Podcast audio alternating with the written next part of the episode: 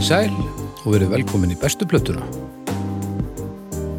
Ég heiti Baldur, ég er upptökustjóri bestu plötunar. Ég eh, seti kom eftir vinsluna, kompressor og EQ og limiter og alls konar fínir í sem við, við glöðum á þetta svo þetta hljómi nú ekki, ekki eins og mannaskýtur þegar þetta kemur í eirun og ykkur vonandi hefur það tekist ágætlega. Sitt hvað haukur getur verið leiðilur hafi pælt í því? Ha, Hau, doktor? Þetta er bara, þetta er framhald af því sem hann var að tala um hérna áðan utan, utan hérna, hérna hljóðnema. Hann, hann er stríðnisbúki. hann er nefnilega hann, hann er stríðnisbúki. Hann er það.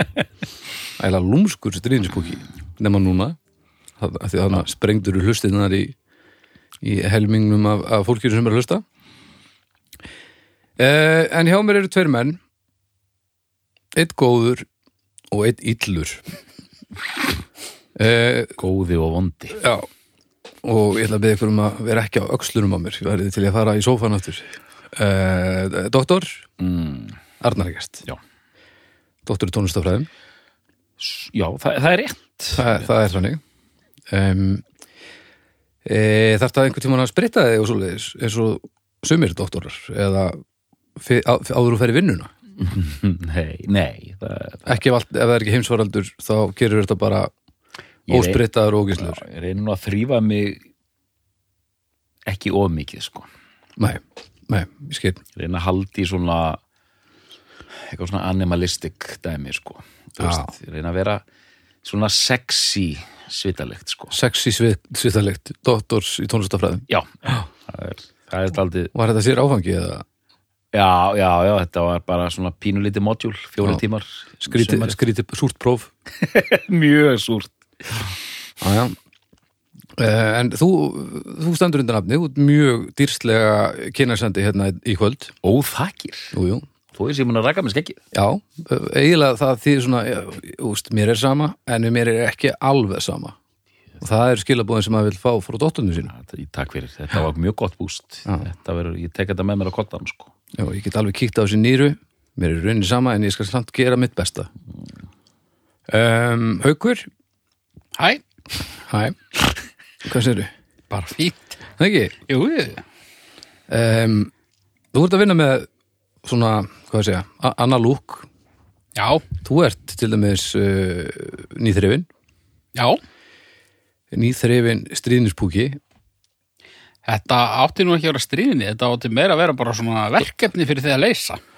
Ég ætla ekkert að gera bara að renna sig gegnum tækin og, og allar kærur skulu sendar beint á haugviðar. Já. Eh, og byrju, ert þú ekki ábyrðamaður hljóðkirkjunar? Ég get ekki verið ábyrðamaður fyrir þína hegðuna því að þá, þá gefum við aldrei neitt út. En þetta sem varst að tellja upp þessi limiterar og geit og þetta, er Já. það ekki að fara að eyða þessu bara út að mestu? Mm, það er ekkert geitt á þessu.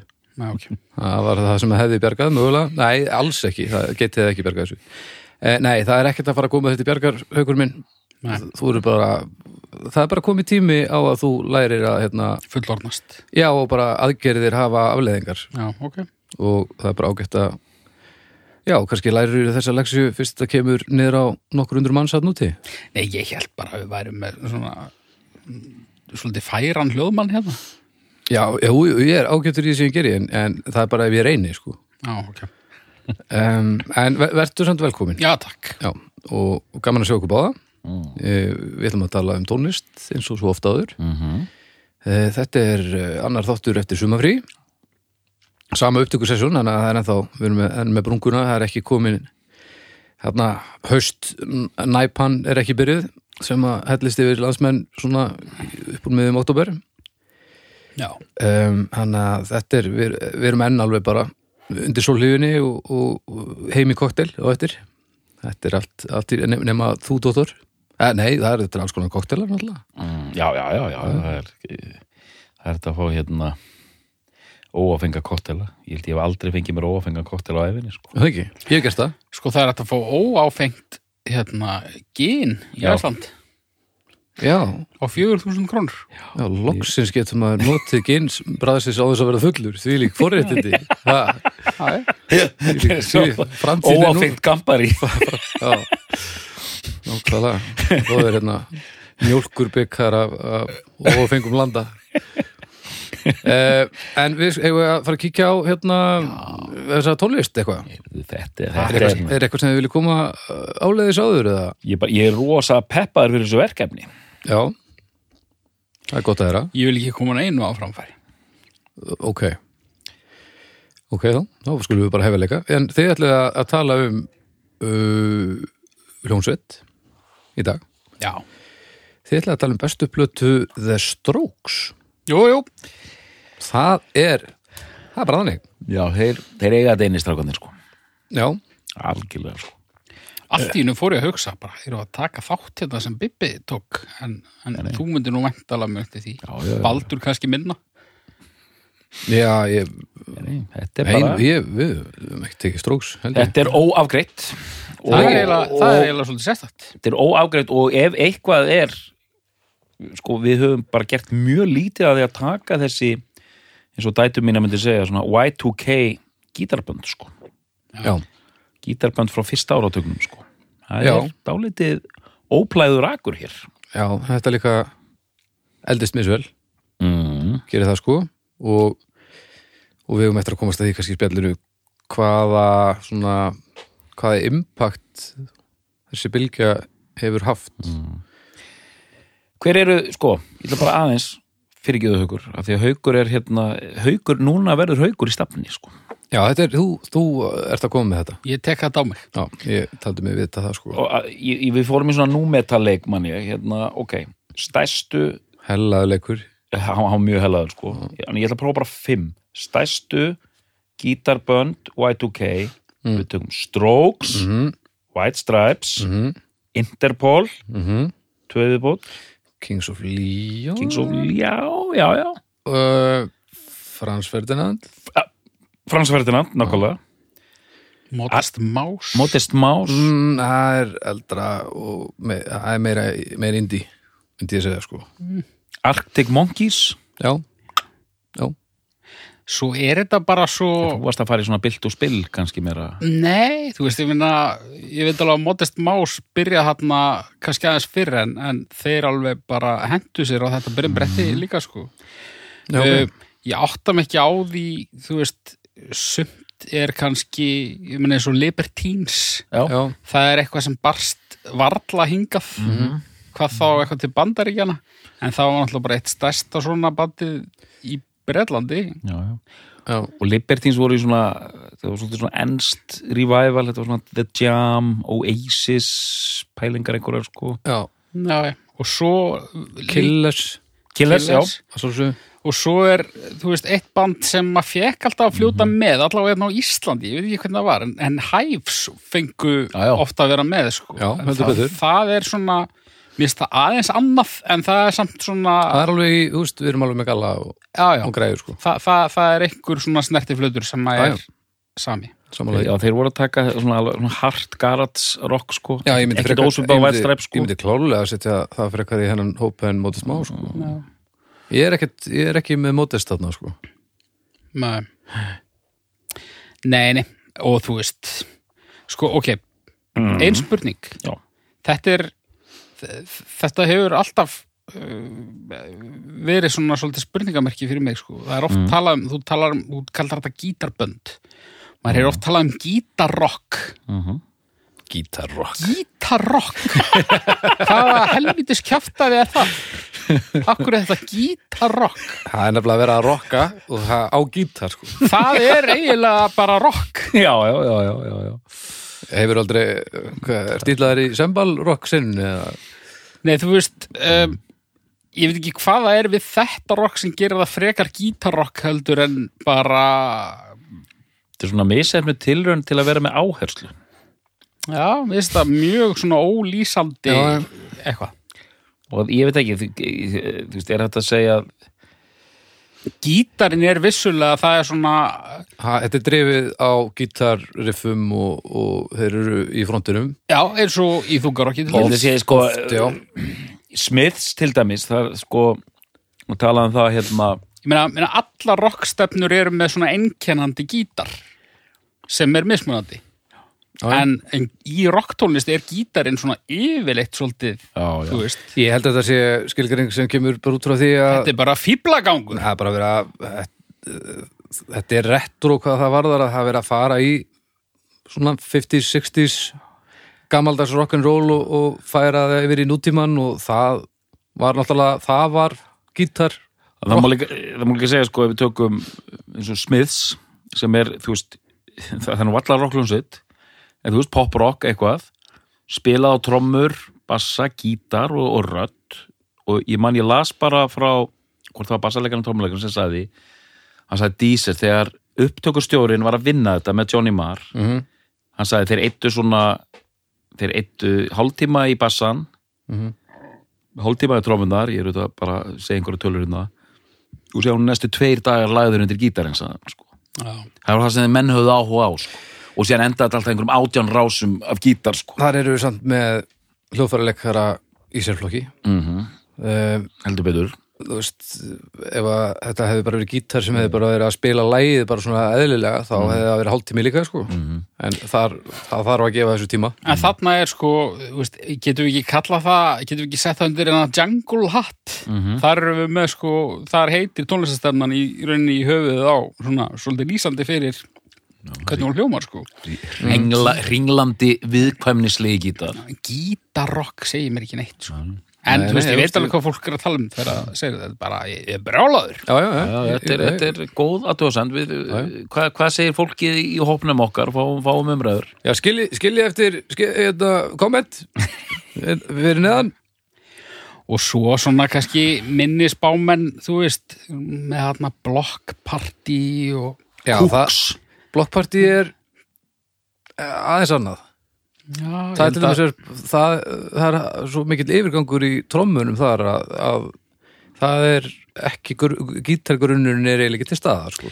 Nei, nei, en þú veist, ef þú fórst á festival árið 2003, þá Já. voru öll þessi bönd Já, á bilinu, sko. En ég samt hugsa um þetta sem væpi kringum bandið og hvernig tónlistin er uppbyggð Já, ég bara hlustum, hugsa um playlistan á, á, á Já. efstu hæðin á 11. 2002, sko. og síðan sko þessi Já, þessi bönd er líka öll í sko White Stripes er í svona blues retro Mhm. Hives er einmitt í svona bílskúrsrock retro Mhm. Interpol í Joy Division retro uh, Strokes í svona vel öttu underground retro þetta er allt svona svolítið verið að fara aftur tilbaka Já. fyrst manni sko Shins.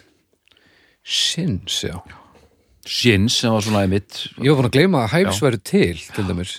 En það var stór skemmtilegt band, var það ekki? alveg þetta er ógeðslega skemmtileg músík sko, svona skemmtilegt bara, bara svona stuð rock. Já, bara En sko- beinustu leið sko. En sko, það voru, það voru allavega tvö bönd, örgulega fleiri, það voru svona nokkur bönd sem að svona tilheyrðu þessari revival bylgju að einhverju leiti sem var svolítið svona svona pínu leiti niður á Hives voru hann og svo kom hann að Jet já, byrjuðu frá Ástralíu frá Ástralíu já, það þótti ekki fínt sko. Ekki fínt. Gítarrock. Já, já, síðan kemur alltaf svona run of the mill bönd ég, meina, en, ég held þessi komin út hvað, hvað ætlaði að gera við böndi svo Kaiser Chiefs og hérna hvað heita það? Arctic Monkeys. Já, Arctic Monkeys og komið er Kaiser Chiefs þetta er Það er svona, eh. þetta er eitthvað svona brest sko þetta er svona þú veist, ég myndi alveg setja Kaiser Chiefs þarna ef við ætlum að setja eins og Killers þarna sko Já, en ég meina, en Kúla Shaker, skilur þú veist það er meirinn í Britpopin já, en það, þannig er auðvitað komin sko eins og Coldplay það er nú það er annað Það er bara- annað það er bara já. pop Og pop. Shaker líka Og Kaiser Chiefs, jú, jú, auðvitað Þetta alveg er, það, jú, jú, þetta er að vita En Kúla Shaker er eitthvað 95 dæmi sko. Já, já, ég var aðeins þarna kannski að skjóta og láta aftur síðan er þú veist, en síðan koma en það er, þetta er svona post-Britpop eins og Leaves frá Íslandi, Kent Svíþjóð. Uh, Muse en nú eru nú erum við búin að tapa þræðinum sko. Já, nú erum við eiginlega við komnir erum bara hann að sko, tellja upp hljómsveitir sko. nú erum við komnir hérna aftur í rauninni aftur fyrir hérna aldamót sko. Já, já, og svo náttúrulega hérna Beethoven og já, herðu, og List Já, akkurat Já, já, en sko Já. Þa, það má í rauninni segja að þe þe þetta gæti verið svona kannski svip, svipað uppbyggður þáttur og kornþátturinn okkar Mm. við erum svona við erum svolítið að taka fyrir bara stefnu sem átti sér startpunkt og mögulega endapunkt Mhm. og við erum að að- fara inn í þetta, við erum að nota svona ákveðna líkilplötu eh, eða, eða líkil hljómsveit skulum við segja sem svona inngangspunktin í það. Og ég held að Strokes hljóti alltaf að vera sá sá inngangspunktur er það ekki? Jú, ég meina þetta var alveg ótrúlegt sko, mér finnst líka svo merkilegt að við erum að tala um þetta ár 2000, 2001 að því síðasta þætti voru að tala um einhverja þingu árið 1989 Já, ah, og þarna sko 98 þá er Britpopið búið. Sko 98-99 er svona aftur, aftur eru komið smá millibils ástand sko. Já, síðan böndin sem við verðum að tellja upp riðjast allar út sko, auðvitað einhver er búin að gefa út plötur áður en það verður rosa stemning fyrir þessu 2000, 2001, 2002 já, hvenær kom fyrsta Frans Ferdinand platan 2002, 2003 já, þetta er svona aðeins á eftir kannski. En þessi stróksplata kemur úr 2001 Eitt. já.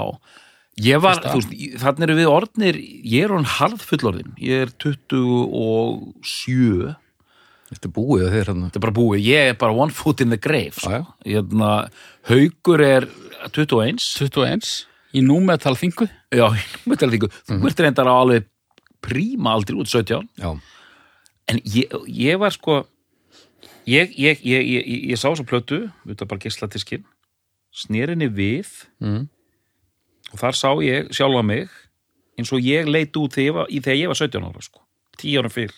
Já, þá var ég í svona Converse skóm og, og, og hérna gallabuxum og, og svona svörtum hérna e, svona jakkafata jakka sem ég á enn og með í skirtu og svona með hárið út í loftið Mhm. þetta er svona velvett underground indie cool look já og þannig er það allt innu komið bara og ég hugsaði bara Bara Ég fremstu, fremstu vílinu bara alveg já, ég, ég, ég, ég, ég fekk fyrst bara betur hvað þetta er fyrsta skipti sem ég fekk svona tilfinningu shit, þetta er tímar sem ég er búin ég er búin með þennan pakka sko. Já, já, já, og svona kom aðeins nefið aðeins svona fyrir já, aðeins upp að já, nefið já, sko. já. Var þetta svolítið svolítið Já, já, búið en- já, svona Já. búið en líka svona og við komum nú örugglega inn á það að sko, þú veist, þú varst að kaupa eh, þegar þú varst um tvítut, þá varst þú að kaupa föndið inn í hjálpræðisernum eða einhvers staðar sko, já, já. en við erum að tala um hann þú veist, það var engin flík undir þúsund dólarum sko.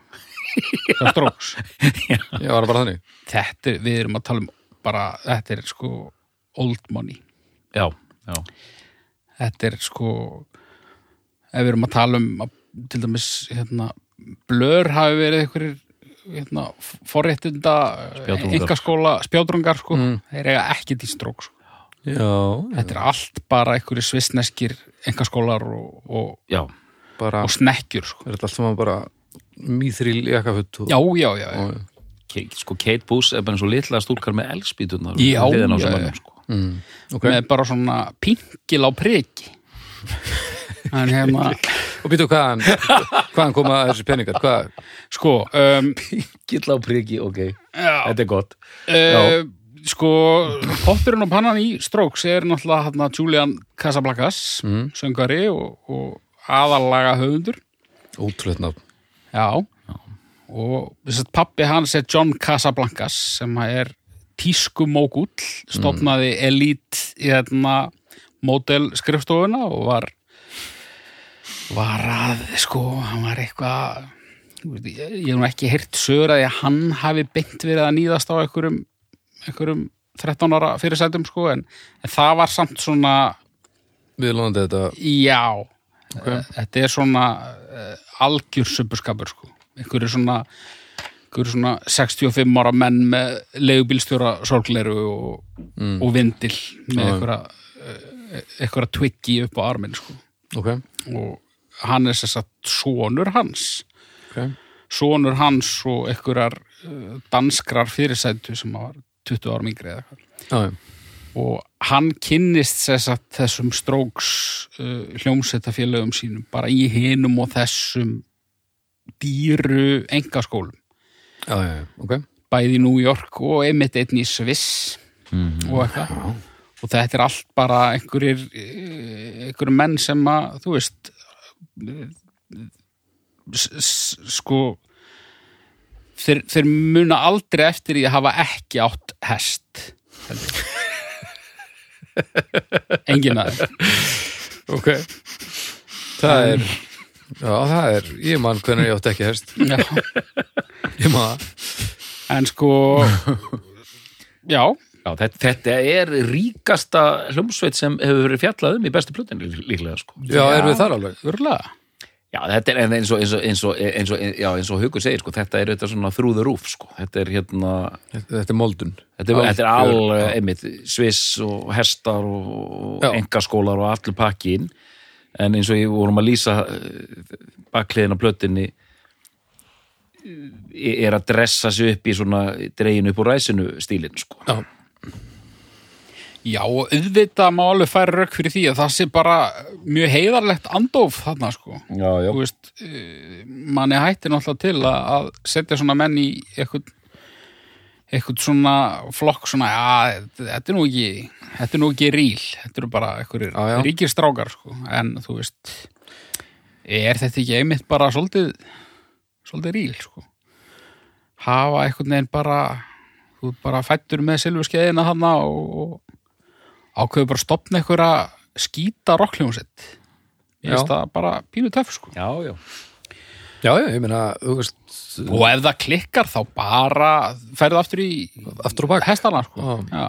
En ef þú fæðist inn í aðstæður þar sem þú ert ógeðslega ríkur þá þýr, þú lítur samt að mega að gera það sem þið sýnir sko. maður verður auðvitað að gefa fólki séns. Maður Já, ekki ákveða að fólk sé fávitar bara út af einhverju? Það er absolutt það sem ég er að reyna að segja sko. þú veist, ég, hérna, gamli ég hefði kannski hérna, fytjað upp á nefið uh, út af þessu sko. Já, en þú veist það er bara nákvæmlega ekkert sem bendir til þess að, að uh, fólk sem fæðist inn í ríkidæmi hafi það eitthvað auðvelt sko. Þó að hafi það fjárhagslega auðvelt. En En- sí, síðan sko, þú veist það, það var ekki lengi, síðan bara fer nefið niður á við, sko, þegar ég var að vinna í Apis á þessum tíma, Já. platan komin og það, það var það var ekki erfitt að, að, að kolfalla sem bara fyrir plötunni, sko, af því að hún er svo ógeðslega skemmtileg, sko. Mm. ég bara elska þetta.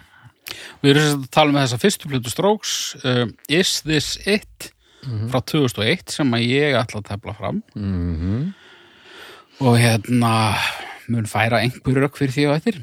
-hmm. en hérna þetta er sérst fyrsta plata Strokes. Sko hljómsveitin er stopnuð mm, 97-ish ok, þeir spila fyrst undir nafninu The Strokes 99 ok. Þetta er New York hljómsveit. Líklega mesta New York hljómsveit allra tíma. Allavega síðustu 30-40 ára. Mhm. Og þannig er sótt bara í, í gamla sarpin já, þú kannski, þú getur örgulega að tala um fleiri áhrifavalda heldur en ég en þú veist, byrjum bara á að henda Bara- Velvet Underground. Velvet Underground, Stooges. Stooges, um, tel Television. Television um, og bara einhver svona in, indie svona catchy indie músík einhver, einhver sko. Svona post-punk Já. svolítið Mhm. uh, en með þetta, hann er með þetta lúrít snarl, þú veist, hvernig hann Já. syngur sko, svona kæruleysis bragur sem þarf að fylgja öllu, öllum töff, töffara skap sko mm. og hérna, og uh, hvað er þeir gamlir þegar þeir eru að stopna bandið þá sko Julian er allavega 78 mótel þannig að hann er Já. þá 19 þegar að já, Nei, hann er, jú, hann er 19 97 hann er þá 23 þegar að plata kemur út. Já, og þetta er bara voða basic, það er bara eitthvað demo og, og, og bara spila á einhverjum suppuknæpum og, og svo bara þú veist svo bara stoppar ekki síminn sko. Mm og ég átta mig ekki á því hvort að það er út af því að þeir voru svo ógeðslega góðir eða út af því að þeir voru svo ógeðslega cool. næ, sennilega bara bæði sko. Já, já. Hérna, og náttúrulega rock tónlist á þessum tíma var það var þinga í gangi. Við töluðum um Já, 89 þinguna hana í síðasta þetti er ekki bara oft mjög mikil þinga ef árið endar á nýju bara alltaf? 79 Hvernig var 19? Munið það? Hvað þinga? maður það ekki, sko. 79, þá erum við bara að tala um bara bara botn skaf diskósins. Bara, það er bara Já, þetta er svolítið, ef það endar á nýju þá, diskokorgurinn. Já, Já, þarna 99 þá við bara þá við bara dottin í eitthvað eitthvað hróða held ég sko. Nei, og það er svona og þegar Talaðu í, hérna, hátalaran? Já, já, já. Þingan einhvern veginn svo merkilegt sko ég reyna að draga, draga sko, þetta er svo mikið back to basics strokes. Já, Oasis var líka back to basics. Já, og svona Sex Pistols, það var back to basics. Mhm. Það er merkilegt sko hann svo fólk vilji bara, ei, já. Bara dumb it down. Dumb it down þú veist, og, strokes þú veist, þessi þessi plata er svona eins og ég segi, það er bara ég, ég, var, að, ég var að heimsækja hana eftir ansi langt hlið ég, ég kann, að- kann þess að plötu aftur og baka áfram út á hlið. Já, og bara ég, ég vil nota orðið skemmtilegt. Já. Sko ég þekkti þess að plötu ekkit rosa vel sko. ég þekkti náttúrulega singlana og, og náttúrulega varð fyrir þessu en, en ég var ekkit ég var ekkit alveg seldur þegar þetta var sko. Ok, Strokes hefur alltaf verið fyrir mér hljómsveit sem að e, svona, ég þekkt singlana og mér hefur þótt sko jafn margir singlar skemmtilegir og ógisla leðilegir þeir eru Já. bara alveg alveg bara hitt og miss sko. Varstu með fordóma fyrir formatinu eða? Öruglega, ekki meðvitaða samt. Nei, en hérna nei, nei, ekki þannig sko. Jú, öruglega, öruglega einhverja. Ég átta mig ekki á- ákveði En, mm, Já, Ok. segjum það bara eitthvað Julian Casablancas Það er, það er erfitt að gera nokkuð með þetta nafn og, og, vera, og vera, verða ekki fyrir fordómum. Já. nema að þú ert í klámi.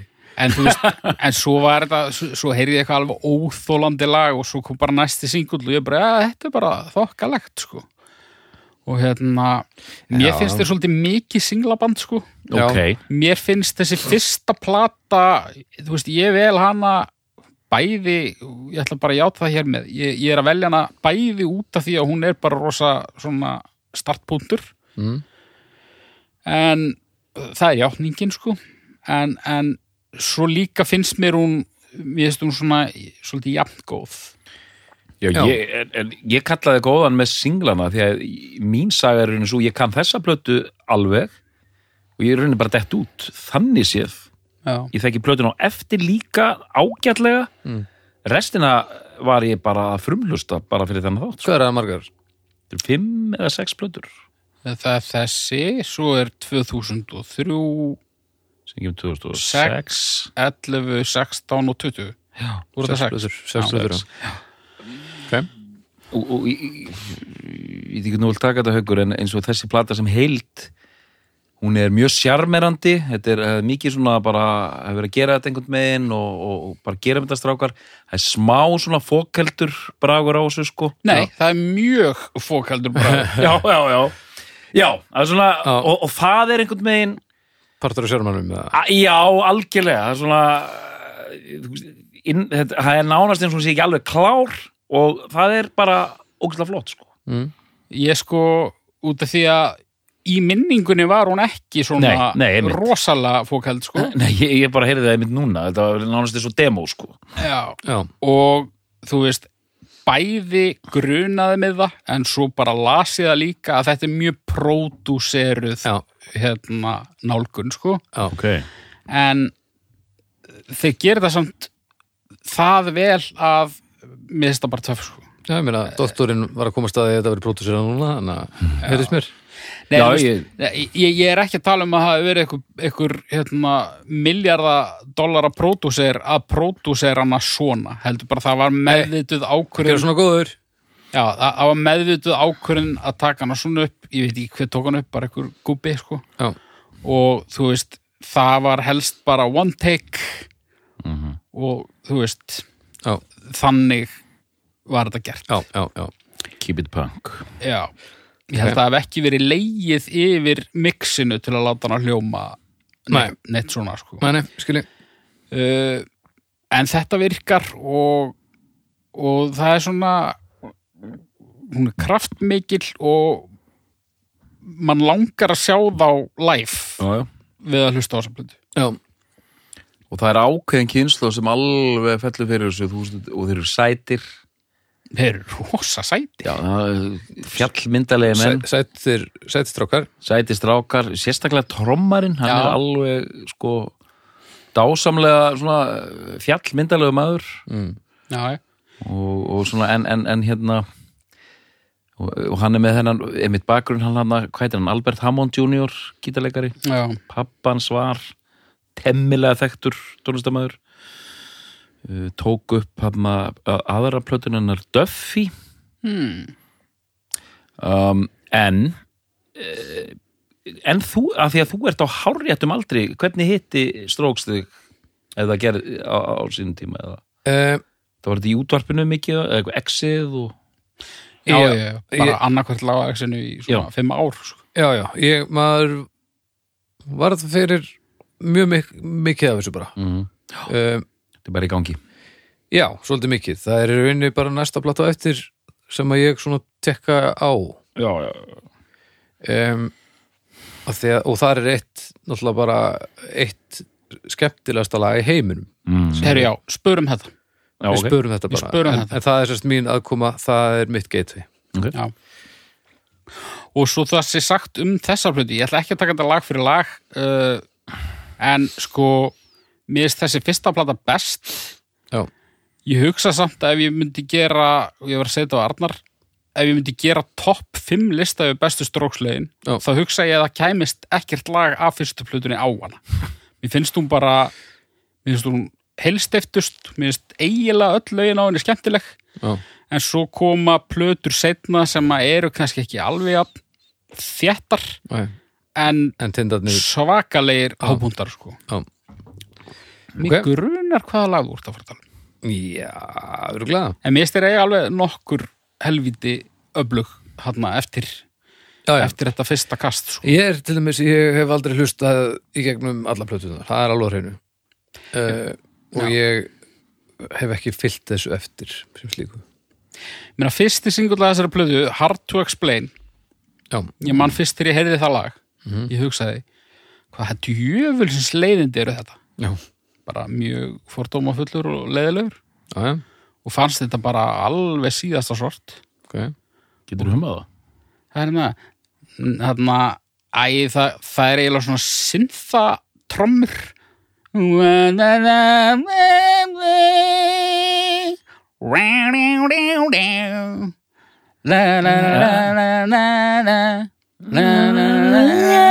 Já, ok, ok Ég er alveg mér.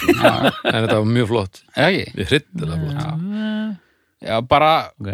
og svo kemur sér satt þarna Last Night, það er Já, það eru þetta rosalegu singull, sko. það er rosalega singull, sko, ég Já. var að tengja við það Já. en það er miklu svona hefbundnara stöf, sko það við að tala um bara, þú veist, þar þar kannast ég við mig, sko Mér finnst líka svo flott hvernig platan byrjar. Platan byrjar með svona hálflægi eiginlega. Bara algjöru rust Já, bara svona, bara, eitthvað svona, bara vera að söngla eitthvað, sko, og maður bara svona, býtu, hvað hva, hva er í gangi hérna? Já, ég, ég, mér, mér finnst það töff, sko. Já, já, ég veit, Þú veist, það hefði verið svo auðvelt að byrja að plötu á einhverjum sko algjörum banger. Kemur ekki lasnætt beint á eftir, eða var það, nei, það var annar lag. mm, ég man ekki rauðin á þessu. Það, það er þetta lag þannig að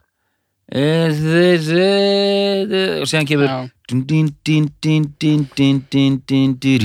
séðan bara byrjar sko já, þetta er alveg þetta er alveg heilt lag sko And já, já. Is This It er semst fyrsta já, það er söng, sönglið svo kemur The Modern Age já, The Modern Age, það er mjög flott lag sko mér erst alltaf gaman þegar fólk þú veist, það fer ekki alveg auglósustu leðina mm. sko.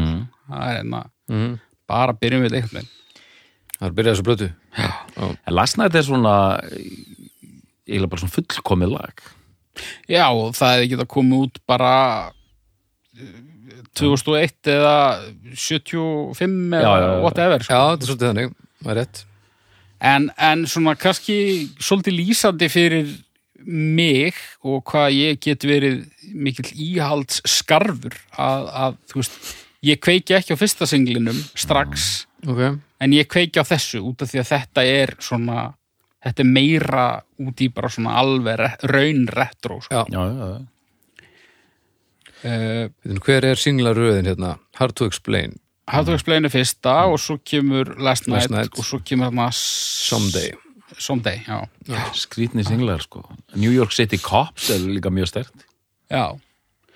En sko, já það er eiginlega það er eiginlega mjög skrítið að Hard to Explain sé fyrsti singull sko. Ég hef ekki alveg veðið á það. En hérna en þú veist Last Night er held ég það lag af þessari plötu sem hefur lifað já, já, Það já, lengst, sko, alveg. Bæði far sko. Bara ef ég var að gera jeppa auðlýsingu árið 2022 þá væri ég allan tíman að fara að nota það frekar en eitthvað annað sko. Platan heitir einmitt Is This It en, en þegar hún var kynnt á bylgjunni þá sögðu þeir alltaf This Is It Já. og hérna kemur nýjasta hljómsveitin Strokes og platan This Is It eða býtu, ha, bakkaði aðeins á bylgjunni, Já, já, var einhver, bylgjan að spila já, hérna einhver, já þa- þetta, þetta flætti yfir sko. Þetta fór við það sko já, þetta, hérna. flætti, þetta flætti yfir sko. Hvað Hvað, eru að stoppa þáttinni eða eitthvað? nei, ég bara, ég vissi þetta ekki sko. Þetta, þetta fór víða ég, ég held að það er mitt svona Já, þú gerir það sko bara, það hefði ekki heyrst gítar á bylgjunni bara síðan að kítarinn var fundin upp sko.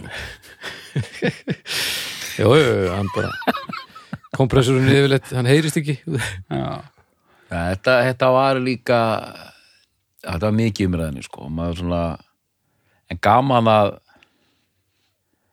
já, en ég þurfti sér að leggja, leggja, leggja nefinu mínu því að tónlistin var ofgóð ég gat ekki, ég stóðst ekki Já. tónlistarinnar, Gast ekki verið fúll á móti. Það var ekki hægt. Það bara, það, það, er, það er ekki hægt sko. nei. Gagvar þessari plötu? Mitt og þú veist, ég var eitthvað að reyna sko, ég voru að segja ráðan, ég ætlaði nú aðeins að taka smá hérna, smá upprifin og sögu hérna ára nú sótti mig og ég lendi smá neða tilfellið þarna þannig að ég er svona, ég er svona ekki alveg jafn, hérna, sterkur á sellinu. Mér langaði að vita sko er þetta alveg fyrsta í þessari sem við köllum þetta post-punk revival dæmi, þú veist. Þetta gerist rosa hratt að það koma svona sveitir. En þú veist, er þetta alveg uppháspunkturinn ég fór til dæmis að skoða eins og Hives hérna, mm. Þeirra fyrsti hittar er það ekki þannig að hey to say I told you so? Jú, er ekki? Það er held ég alveg öruglega árinu áður. Já, þetta er á undan til þess að það er, er ein, að því þú talar um post-punk revival, þá voru þetta Interpol verður nú að teljast ein, ein helsta sveitin þar. Af því að ég gleymiði aldrei því ég heyriði þarna Turn on the Bright Lights. Það kemur 2000 Já. Og það er kannski þeirra lag sem að kannski fittar best inn í þessa bylgju sko. Hva- hvaða lag? hey to say I told you so með Hives. Já, já, já, já, einmitt, einmitt. En það er, eh, eh, Og það er sko önnur platan þeirra. Já. eins og ég klári sko að því að sko Strokes og Hives einmitt, þetta er stuð en mér var svo merkilegt því ég heyrði Turn on the Bright Lights með Interpol í fyrsta skipti.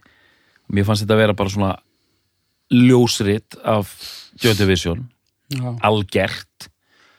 En síðan, ég elska þá plötu, mér finnst hún æðisleg.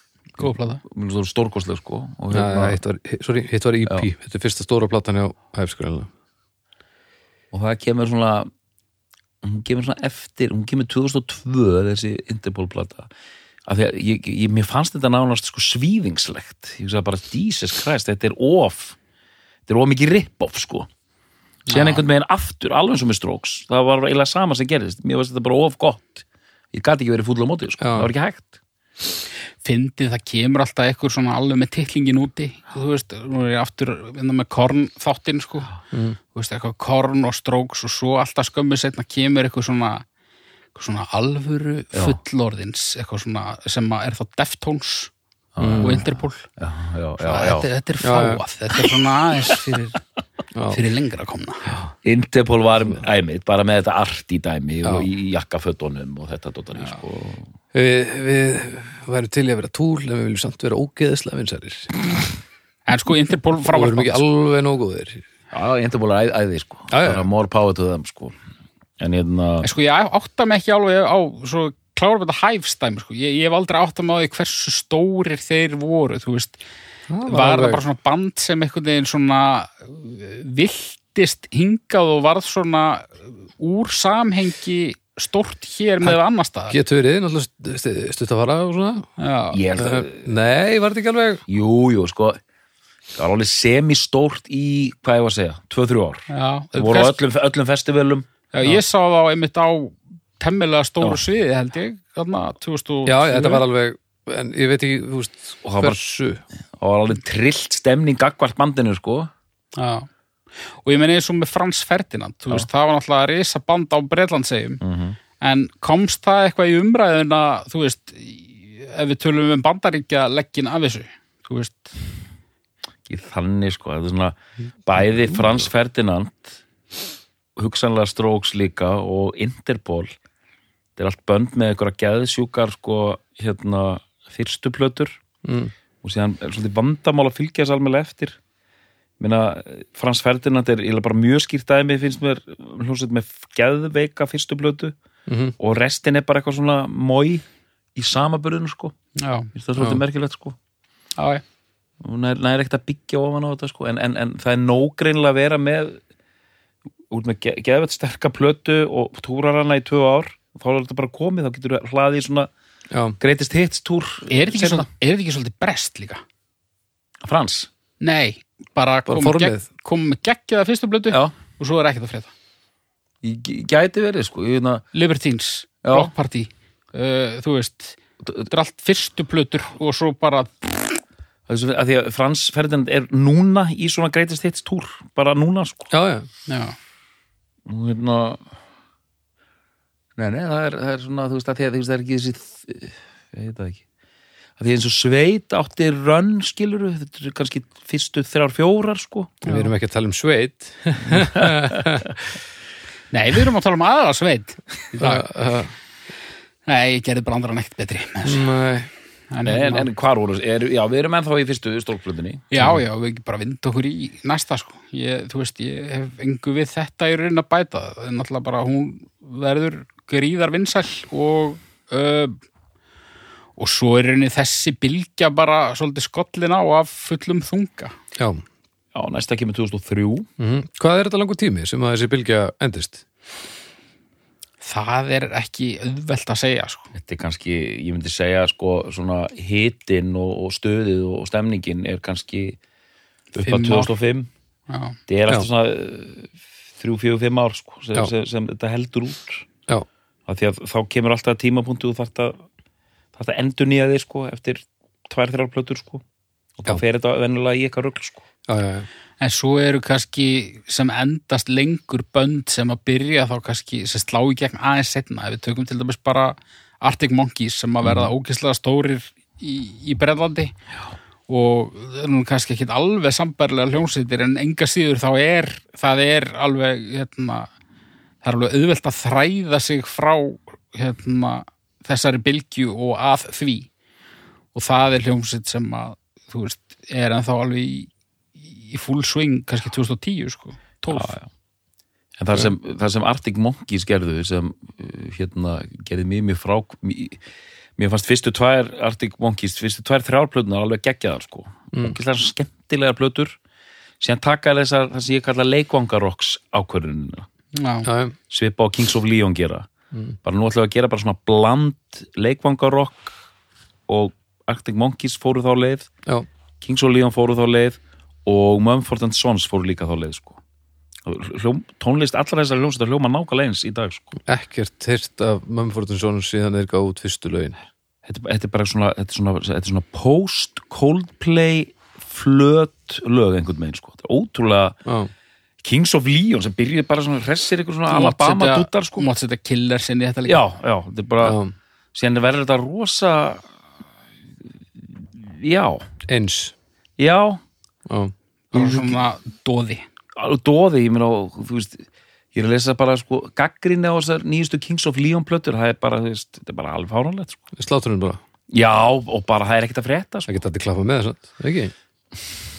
Fyndið þú, þetta er eins og með U2, hvernig er þetta að semja tíulega plötu í dag, þú getur ekki munað eitt einasta lag, ég man ekki hvað er eita þessar plötur, sko. Nei. Það er ótrúlegt, sko. Þú ert náttúrulega ekkert yngjast, við mögum ekki glemma því Já, Já, já, já. En sko, Strokes Já, já, ég voru sem hann, já. ok. hérna, Is the- Koma Is ekki the sér. Sit Is the Sit er nú yfirleitt eða bara eiginlega alltaf nefnd sem þeirra besta sko já, uh, og Runner Up er nú yfirleitt platan þar á eftir, Room Já. on Fire Mhm. það er bara svona svolítið almennt samþykki fyrir þessari uppröðum já og svo er restin af plötunum bara svona uh, alls konar uh, mér finnst hún ekki alveg skemmtileg sko Rúman fær. já, Nei, hún er svona hún er betri innan mjög þykra gæsalappa af því að hún sándar betur Mhm. rúllar betur en hún er bara ekki með neistan sko. mér finnst hún svona meira af óeftirminnilegum lögum og mér finnst líka svona hún sándar of vel mér finnst hún reyndar, já, kannski. Mér finnst stóra soundstökkið samt eiginlega koma á plötuna eftir. Okay. en ég skil hvað átt við. Uh, það er kannski skrítið að gaggrina Julian Casablancas fyrir það að syngja eins og hann nennis ekki vegna þess að það er basically það sem hann hefur alltaf gert. En mér finnst það bara minna samfærandi þarna. Mér finnst eins og hann svona raunverulega nenni þess ekki þannig Já, menn það. Já, ég held að þið liðið svo að netti þessu. Nei, nefnilega ekki sko. Já, ok. Þú veist, á Rúman fær já, mér finnst hann nenna rosa mikið að nenna þess ekki á fyrstu plötunni en á annari plötunni Já. finnst mér hann bara raunverulega ekki nenna þess Já, og hérna og hún var tekin, þú veist, þetta er mjög stuttu tími þarna á milli. Og er ekki eitthvað panik hvað þeir eru blötuð það ég veit ekki, hún kemur út þarna tveim, tveimur árum setna en það er þú veist, ekkert mjög stuttur tími svo. nei, nei, þeir eru náttúrulega bara á bara já, já, já, stanslust vissulega, vissulega. Það er komið til Íslands, spila á Broadway. Já, sétt, ég má glemma því. Ég fór á tónleikana sko. Já, ekki ég. Stritti bróðum minnum, Já, ringdi hann samt dagurs og sagði, heyrðu heyrðu, það er komin upp rosalega staða maður í kvöld. Og hann, já, já, hvað? Hann var ringið með að Kára Sturlu. Hann er víst farveikur orðin hérna trommuleikarinn Strokes. Kára var að spá hvort að þú getur hoppað inn og bara tekið setið hvað hattar að stróksa það? Nei, hann svona hérna hann getur alveg trommað sko Býtu ha- hver? Körver, bróðum Já, af hverju hann? ég var, ég var að stríða honum sko. Já, já, já. Varstu bara ekkert að lusta Allt þetta var nýbúið að koma fram fyrir nokkrum sekundum Já, nei, nei, ég, bara, ég er ekki vanur að lusta á fólk hinn og, og, og hann, hann, hann, gleifti við þessu í, í alveg bara getur Dan ekki gert þetta getur ekki einhver annar gert þetta síðan bara, já, gott að það var ekki fyrsta apríl eða hvað líka sko. Já, Danning gæti gert þetta. Já, þetta er þetta hægt? Segjum, hvað? þið fe- fengju ég var einmitt að ímynda mér að þetta væri líklega hægt 12 á hátti að, að hlaupa inn og, og tróma þetta. Já, já, þetta er alveg Já, hægt en, ég- en þetta er ekkit alltaf málið sko, jafnvel þú fáið besta trommar í heimi til að hlaupa í skarðið fyrir Mm.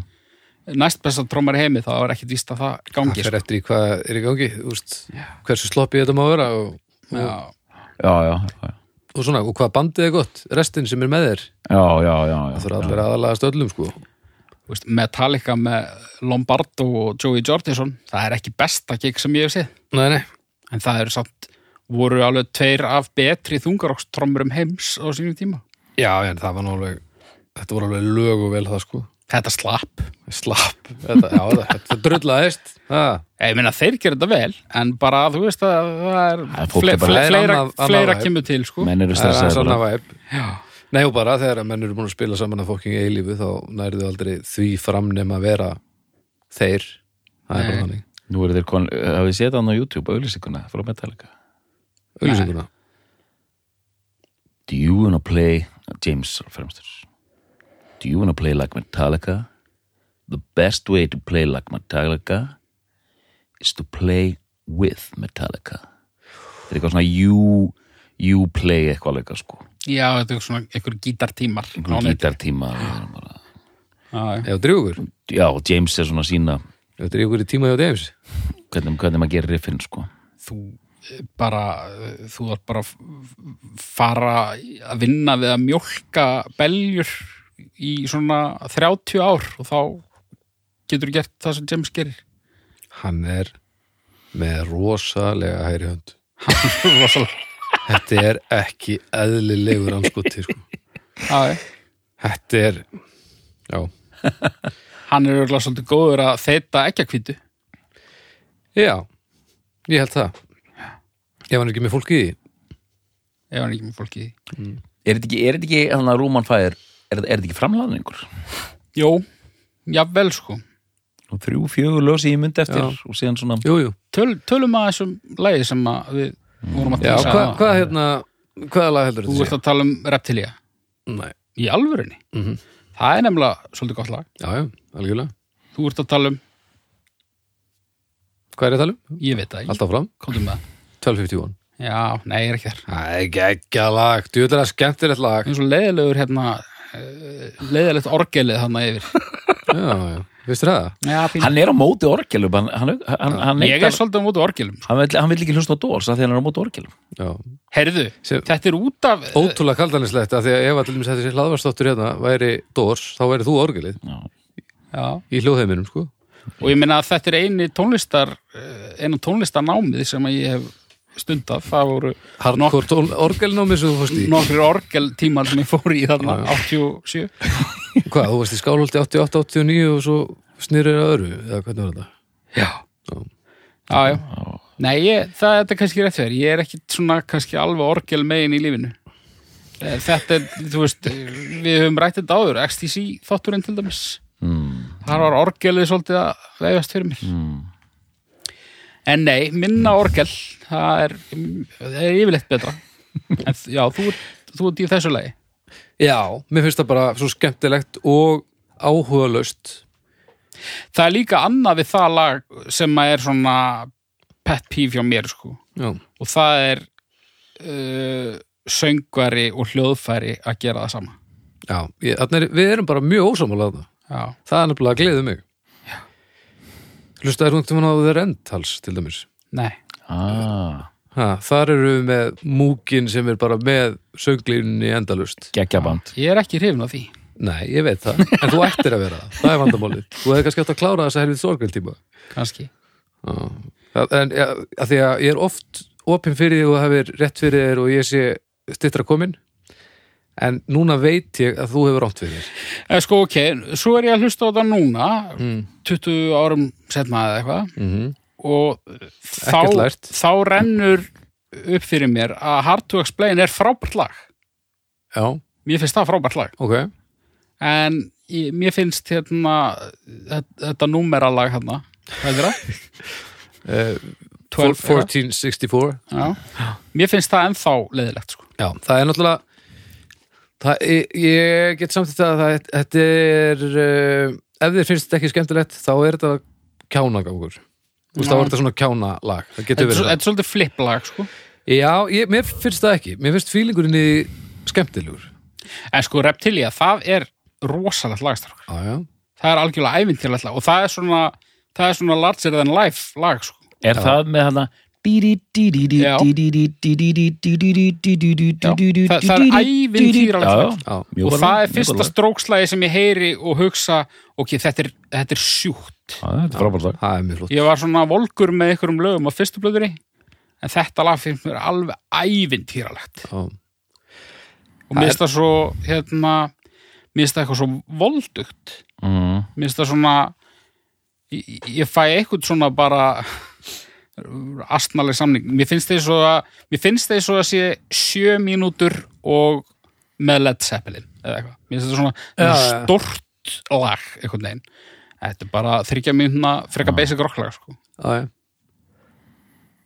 Sko, fyrst við erum að tala um þessa bylgju og við erum að tala um hvernig okkur líður með lög Hvað finnst ykkur um Mr. Bright, hvað heitir það? Mr. Bright uh, Brightside það Brightside? ekki? Já, mér finnst sko fyrstu tvær killersplötunar já, mér finnst það bara ljómandi fínar. Já.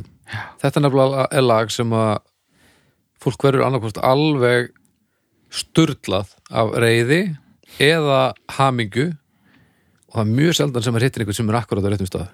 Þetta er alltaf rosa mikið einhver átt. Af því að mér finnst þetta bara mjög skemmtilegt lag. Já, en það er rosa mikið hattur sem það fær og rosalega mikil svona alþýðu ást já, þetta er svona, svona alþýðu anþem orðið sko Já, Killers já, Killers eh, það, það er Springsteenin í Killers sko. já, já, já, já, já, ég skil en hérna ég, ég var alltaf hrifin að þessum fyrstu tveimur plötum og svo bara eiginlega heyrði ég ekkert meira sko. já, já, ég vildi bara minnast á þetta lag af því ég held að þetta sé svona það lag sem hefur splundrað hlustunarhófnum hvað harkalegast hvað svona, þetta gítarokk varðar sko.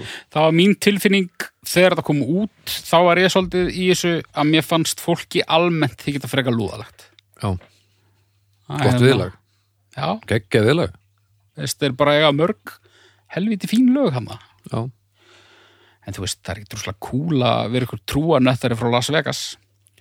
Nei, það er það er ef þú verður að vera í elvisbúning og vera að gifta þá. Já En en, já. síðan hérna já, síðan líða hvað, næsta kemur 2005 Sex.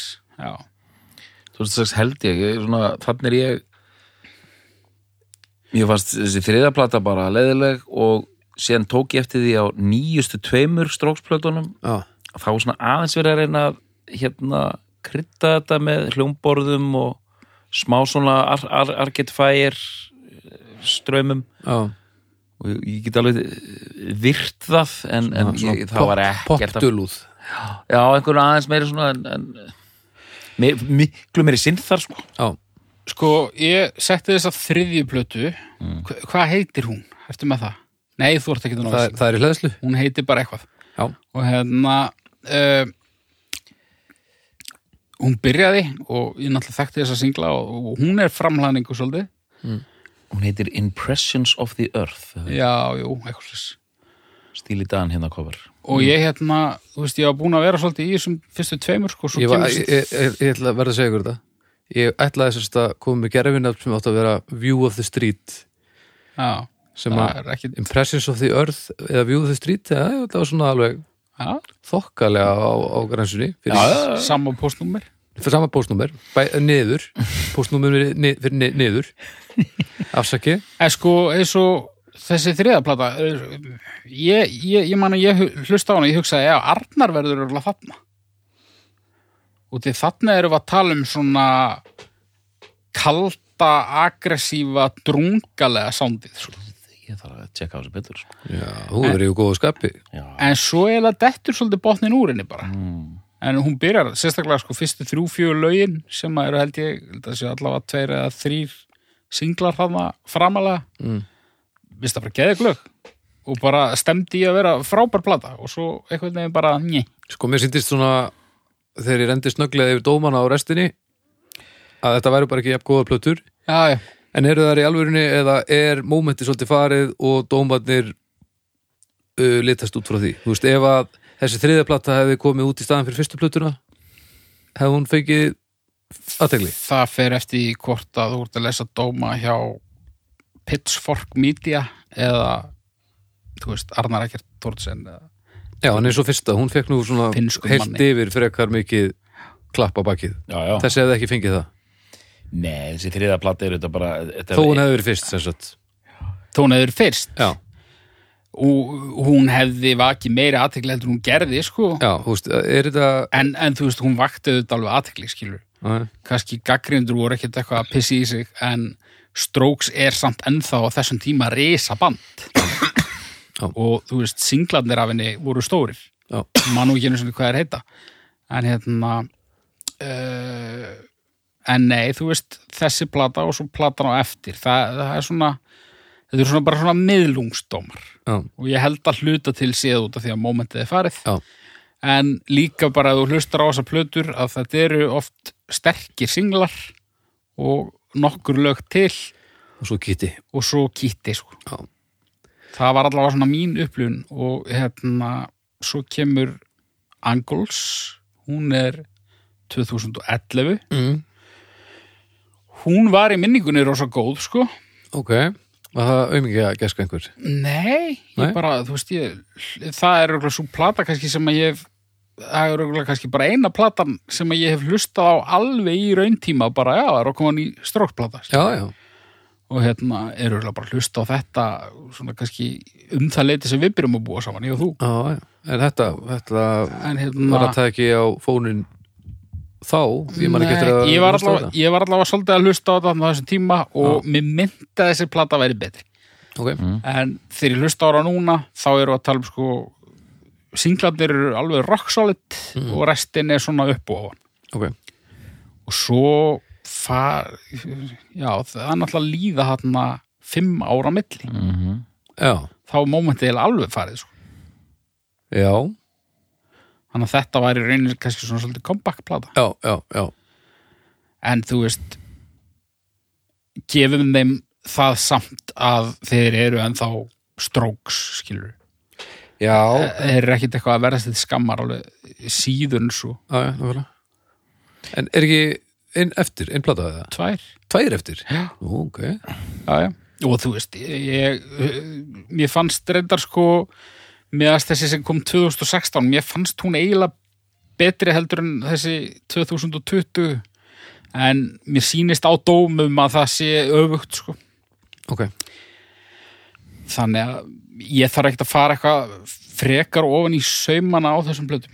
En hefur- finnst, eh, það eru frábæri lög á þeim öllum og svo eru bara stundum hundar og, eitthvað. En þeir, þetta band, það hefur ekkert verið neitt stórfenglegt vesen á þeim, það er, húst, það er einhverja svona einhverjar, engir skandalar, engir, engir, einhverjir Nei. brjálæslegir hápuntar, Og þetta er allt sömu, ennþá all, allir sömu meðlumindir. sami hópurinn, Já.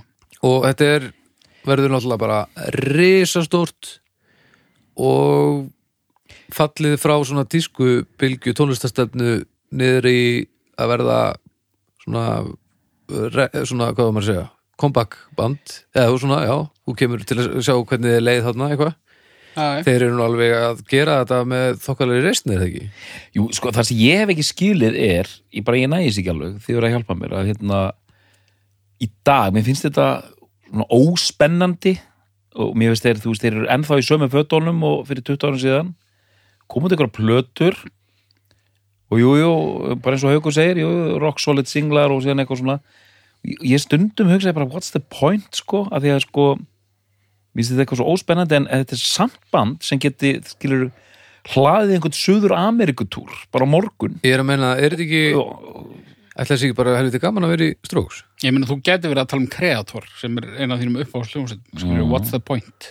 Viltu En að kreator það- komi í, í, í nýjum galla? já, ég, ég, ég, ég segi bæði með Creator og, og Strokes what's the point? kre- Kreator endar, þessi síðasta bylgja, hún er rosaleg. Já, já, en Já, það var kannski slemt dæmi Já, Nei, en, en ég meina, ok ég var einmitt að hugsa uh, um Strokes sko og, þú veist, til hvers eru menn að semja nýtt efni? Eru Strokes að semja nýtt efni til þess að geta komast til Söður Ameríku eða er þetta listrætni þörf sem ég er einhvern veginn því þekki ég þetta, það er þetta gaman að vera í lúmsveit og hittast í æfingahúsnaði og berja saman einhver lög ég myndi ekki nenni að vera mjög lengi í hljómsveit sem að sem er ekkert nýtt, sko. Nei, mm. Ég, sammála ég er, og ég, mér er alveg saman Mm. ég er alveg til í að gefa út meðalmennsku blötu fyrir hvernig að gera það ekki, sko. frekar að gera það ekki, já, Já, já. af því að þegar að mómentið er farið þá er ég ekki að semja fyrir ég er ekki að semja fyrir fólk sko. það er hryllilega gaman að búa til plötu með vinnu sinum það er ógeðslega gaman. Mm. En ég held að sé Já, líka já. alveg gaman að búa til blöður fyrir fólk sko. Já, já, og ég hef aldrei verið í einhverju sem að er svona mikið undir, skilur, ég meina kannski að þeir geta nóg almennilega á sig þá náttúrulega fyrir líf þeirra svolítið á hliðina. Nei, samt ekki, þetta hefur ekki samt það vægi lengur það, Nei, nei, Það sem er líka- líka það fyrir ekkert á hlið það er bara, þetta er bara í gamla singla og málu dött. En það sem er þá líklegast að gerast hjá Strokes er, jú, jú, þeir eru með þeir eru konum með það sterkan bakkatalóg að þeir geta haldið eins og hálfstíma tónleika með bara einhverjum slögurum en síðan horfðar einhvern annan og það er liðin þrjú, fjóru ár þá hlýtur þá að koma þetta sem þú segir heyrðu, eigum við ekki að eigum við ekki að ræra saman fæðast ekki lagahömyndir á, á, á tórnum og svona sko.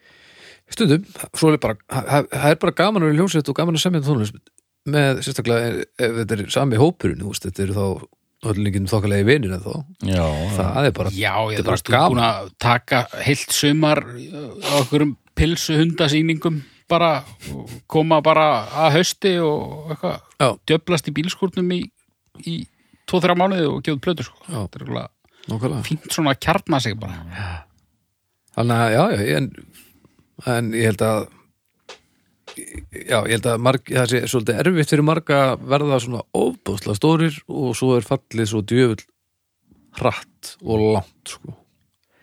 Bara eins og með þessi númetalbönd þú veist.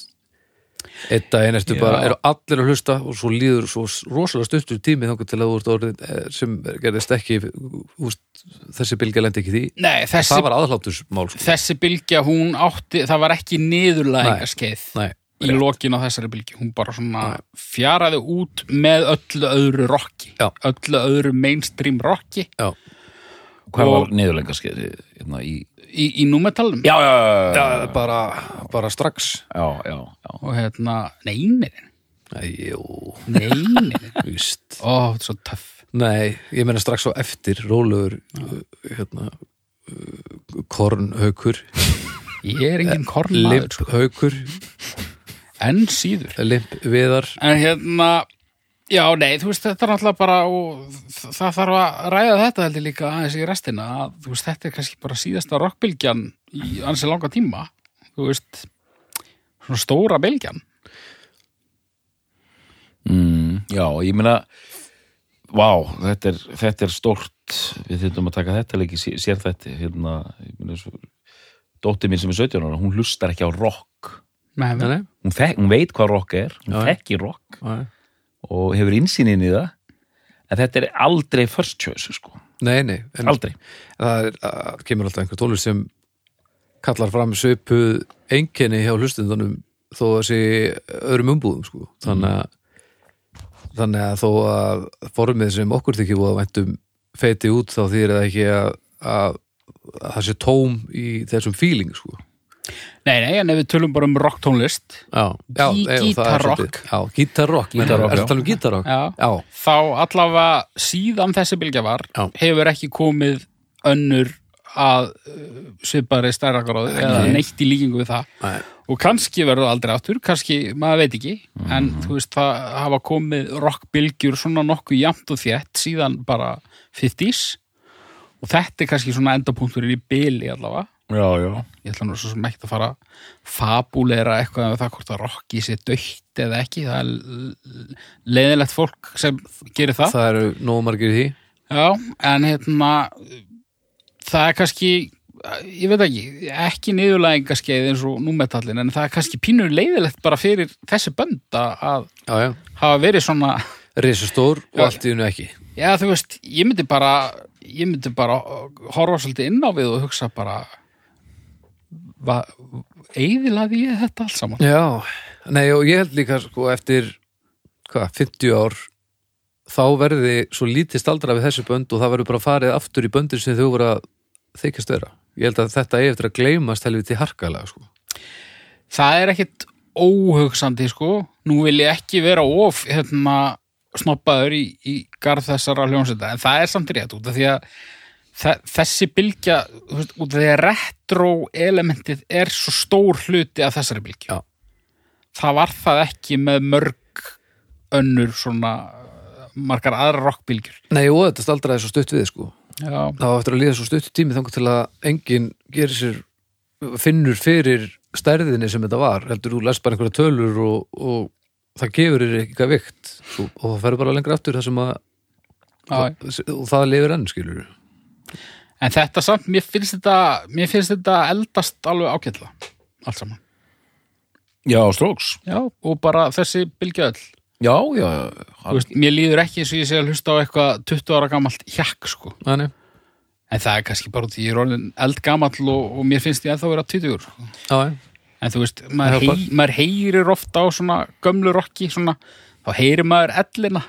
Já, já, Nei, ég myndi segja í fyrsta Strokes-plata er bara, þetta er svona klassíst verk sko. Já, þú veist og heldur að verði það áfram?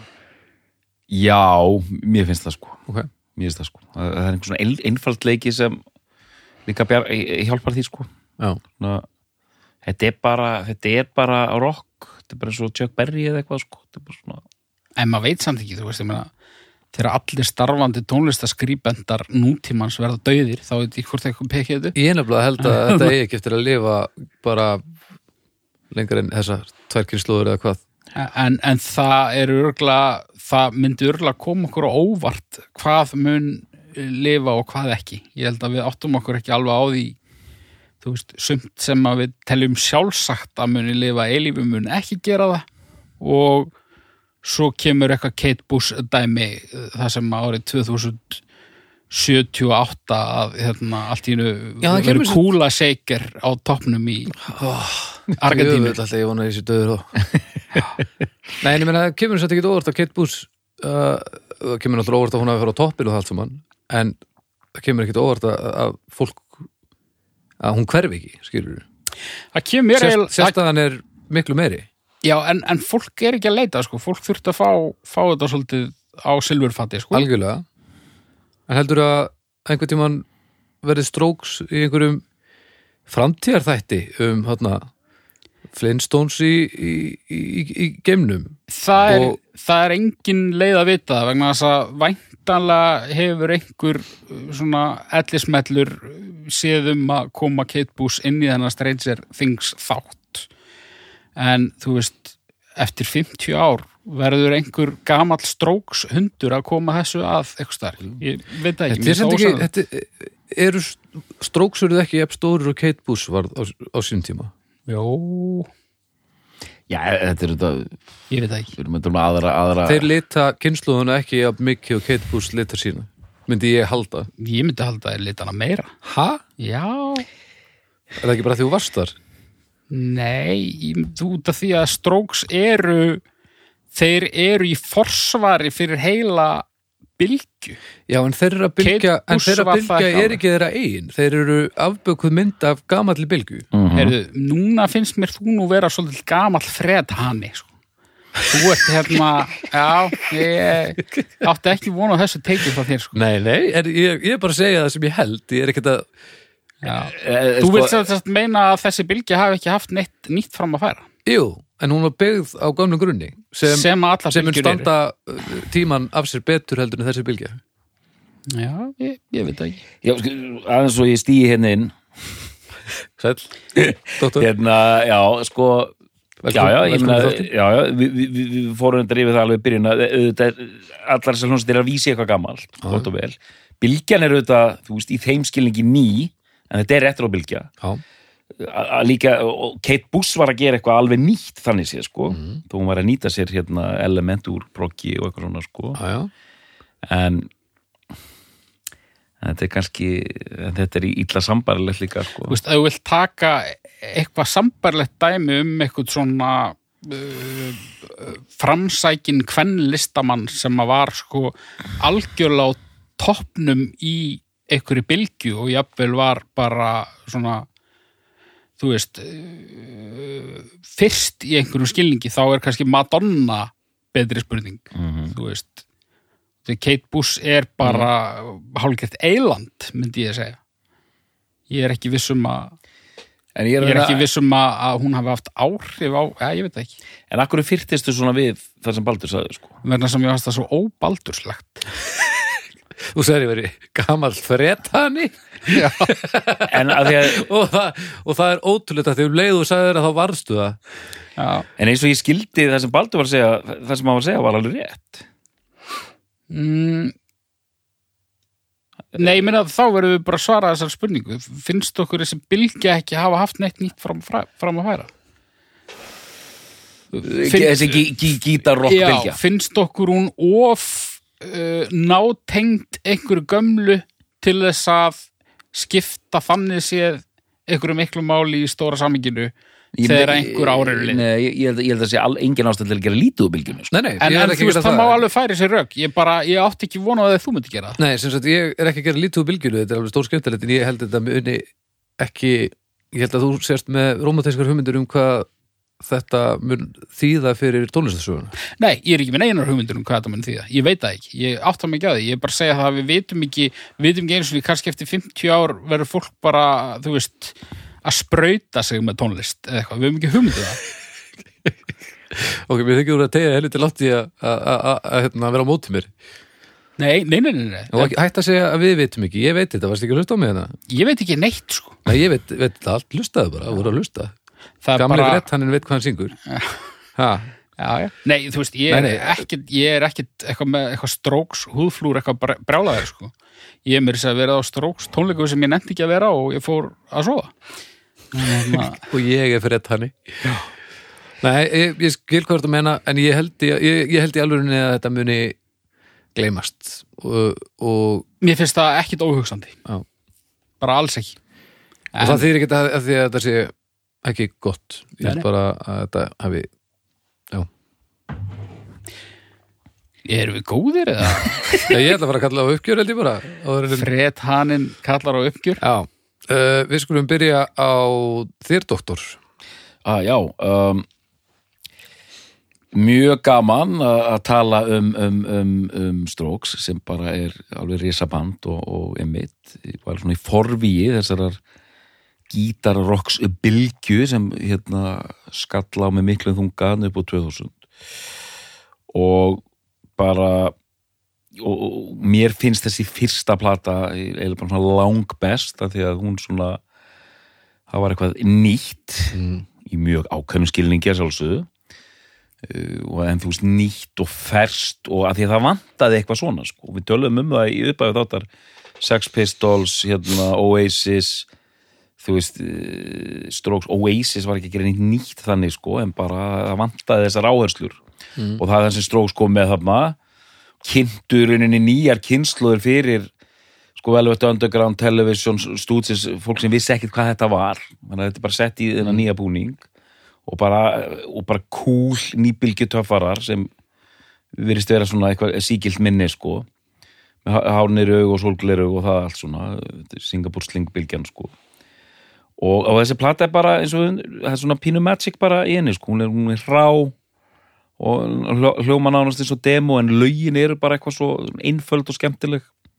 Og bara ég hef mjög gaman að þessu öllu saman.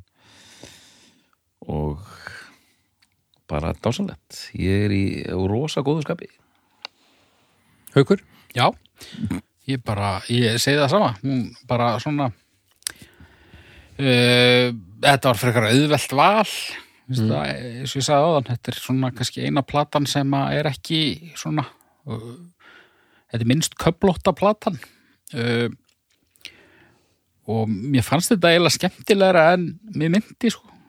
Ég var svona meira á hliðalínunni á sínu tíma. Já, En ég er alveg sammálaðir að einhverju leiti, þú veist, maður spyr sig, þú veist, er þetta, var þetta ofmetið? Já, mögulega, en þú veist, hvað, ég veit ekki, þetta var allavega, þetta var allavega tónlist sem að höfðaði til ótrúlega margra á þessum tímapunkti og það var vissulega verið að byggja á einhverju eldra en, en, en þetta bara einhvern veginn svínvirkað og var frekar töff og mér finnst þetta eldast bara allavega bet, betur heldur en, heldur en næst síðasta rockbylgjan sko.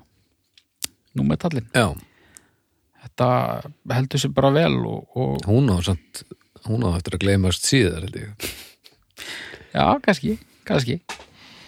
En nei, nei, ég, ég, ég hef engar hérna, einhverjar held ég órögréttar hugmyndir um það að, að þessi bylgja verði eitthvað nefnd fyrst af rockbylgjunum uh, þegar fram í sækir þetta er gaman og, og jú, ég var vissulega, ég var á staðnum. Mhm. þannig að nú kannski ein af fáum rockbylgjum sem ég hef upplifað í rauntíma Mhm. fleiri voru þau orði ekki. Þannig að Haukur gamla Prumpugeit er þetta besta plata The Strokes? Já, veistu það, ég myndi segja það, já Doktor, er þetta besta plata The Strokes? Já. Við þakkum fyrir í dag og við heyrumst að vikuleginni